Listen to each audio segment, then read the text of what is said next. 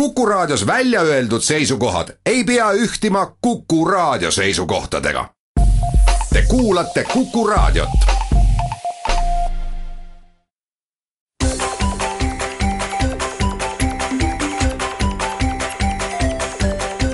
maksumaksja.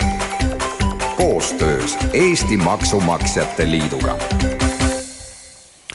Tere päevast, eetris on saade Maksumaksja, mikrofoni ees on Lasse Lehis viimasel ajal on maksuseaduste muutmisega nii aguralt tegeletud, et üks kord nädalas saatest kipub isegi väheks jääma, et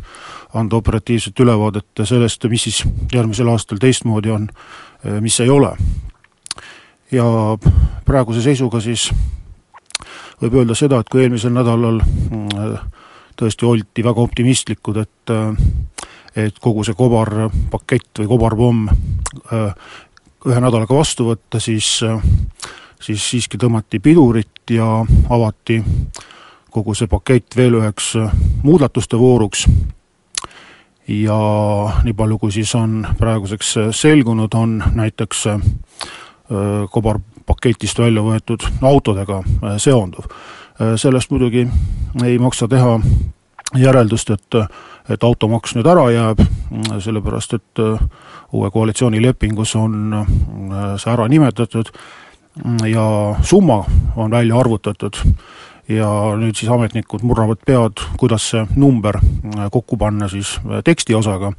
ehk siis me oleme kuulnud kilovatipõhisest maksustamisest, me oleme kuulnud CO2 põhisest maksustamisest, alguses oli plaanis neid autosid maksustada ainult üks kord. Esmaregistreerimisel, siis vähenesid küll maksumäärad, äh, aga maksustamisel läksid kõik tehingud ja nüüd siis äh, öeldakse, et, äh, et uuel aastal tegeleme sellega edasi, nii et variante on kindlasti veel, veel küll ja küll, milline see automaks võib olla ja tegelikult me ei ole veel selleski kokku leppinud, kas see on üldse maks või praegu vähemalt kangekaelselt tahetakse teda riigilõivuks nimetada kuigi olemuselt äh, on selge, et äh, Maanteeameti registrikulud ei, ei ole teps mitte nii suured, kui sellest niinimetatud lõivust tahetakse koguda. kui mm, transpordi teemal jätkata, siis üks võimalus mm, sõidukeid maksustada on, on maksustada hoopiski tee kasutamist ja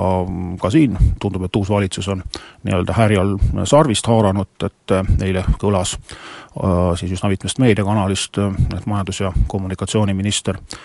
tahab äh, juba aastast kaheksateist hakata raskeveokitelt koguma maksu maanteede kasutamise eest. tõesti, Eesti on üks väheseid riike Euroopas, kes seda äh, ei ole veel teinud et selles mõttes midagi võib-olla väga üllatavat selles ei ole, aga aga annab nagu suuna kätte, et kustkohast uus valitsus äh, raha äh, oma lubaduste täitmiseks otsib. aga nüüd lähme edasi äh, teema juurde, millest rääkisin eelmisel nädalal, ehk siis füüsiliste isikute maksustamist puudutav. ja teatavasti üks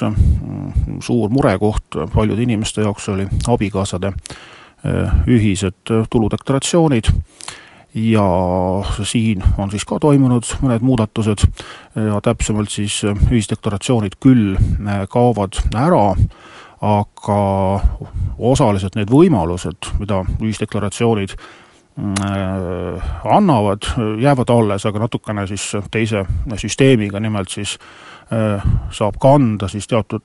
mahaarvamisi äh, ühelt abikaasalt üle teisele, ehk siis äh, kulutusi on teinud üks abikaasa, aga oma tuludeklaratsiooni saab selle kanda teine. et tavaolukorras siis Maksuamet alati kontrollib seda, et kes, kelle pangakontolt on ka vastav makse tehtud ja puudutab see siis kolme arvamist, esiteks Äh, siis äh, laste eest täiendav maksuvaba tulu sada viiskümmend neli eurot kuus alates teisest lapsest, teiseks siis äh, eluasemelaenu intressid, tõsi küll, uuest aastast tuleb siia piirang, et kolmsada eurot aastas saab seda mahaarvamist teha, aga abikaasade puhul siis kuussada eurot, kolmsada enda eest, kolmsada siis teise abikaasa eest,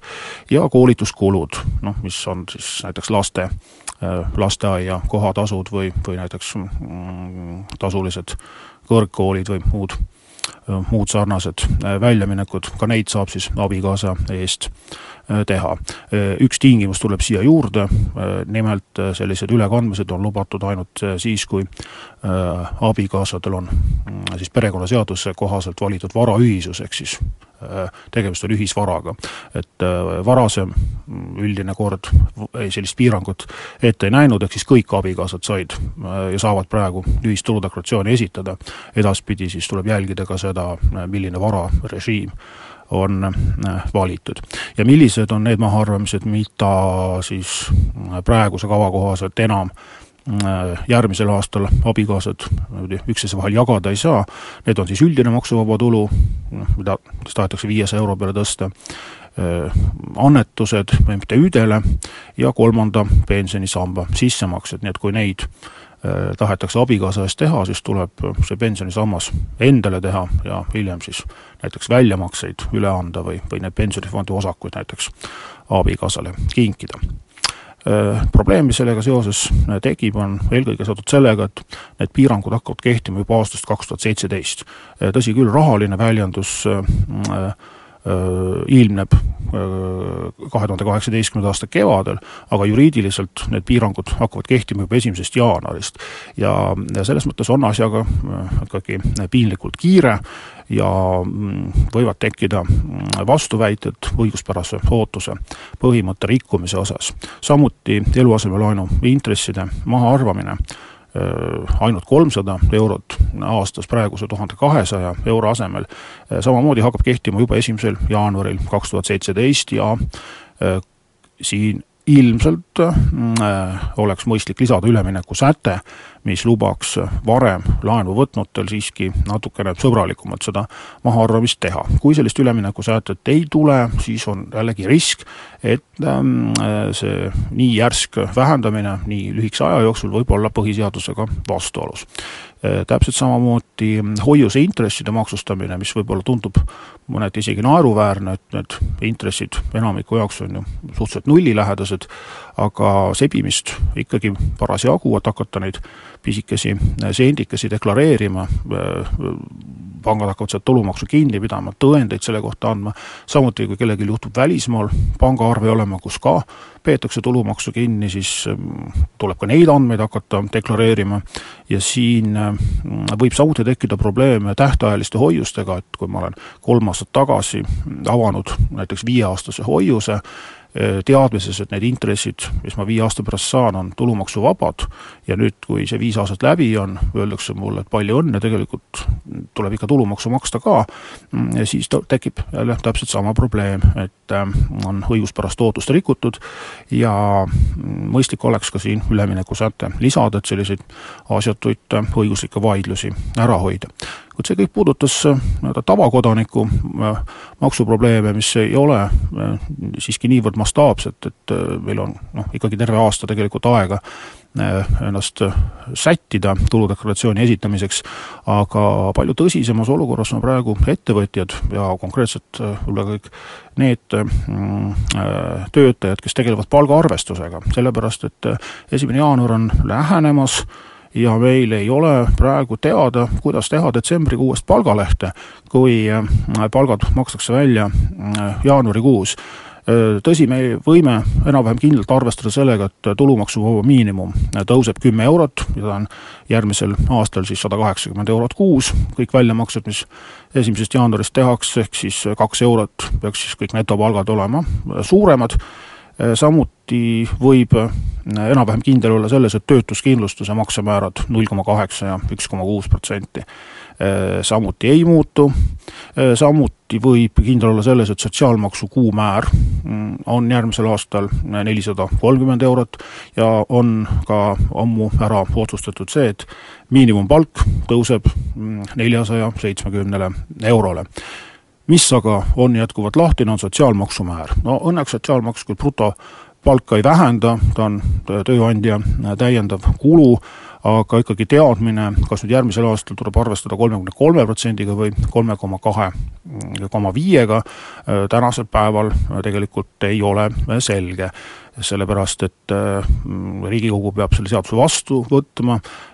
tundub, et tulevad ööistungid,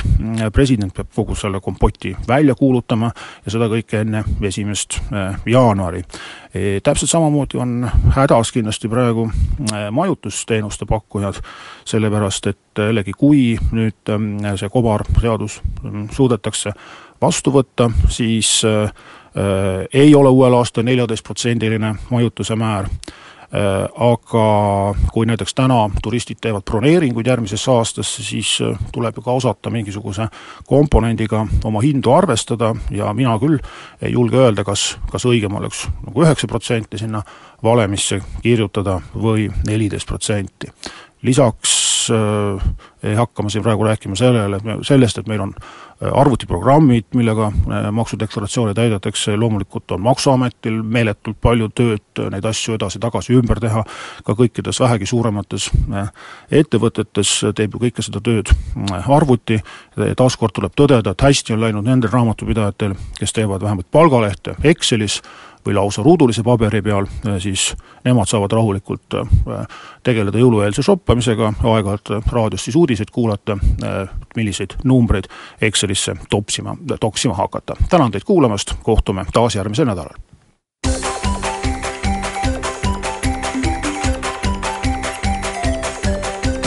maksumaksja koostöös Eesti Maksumaksjate Liiduga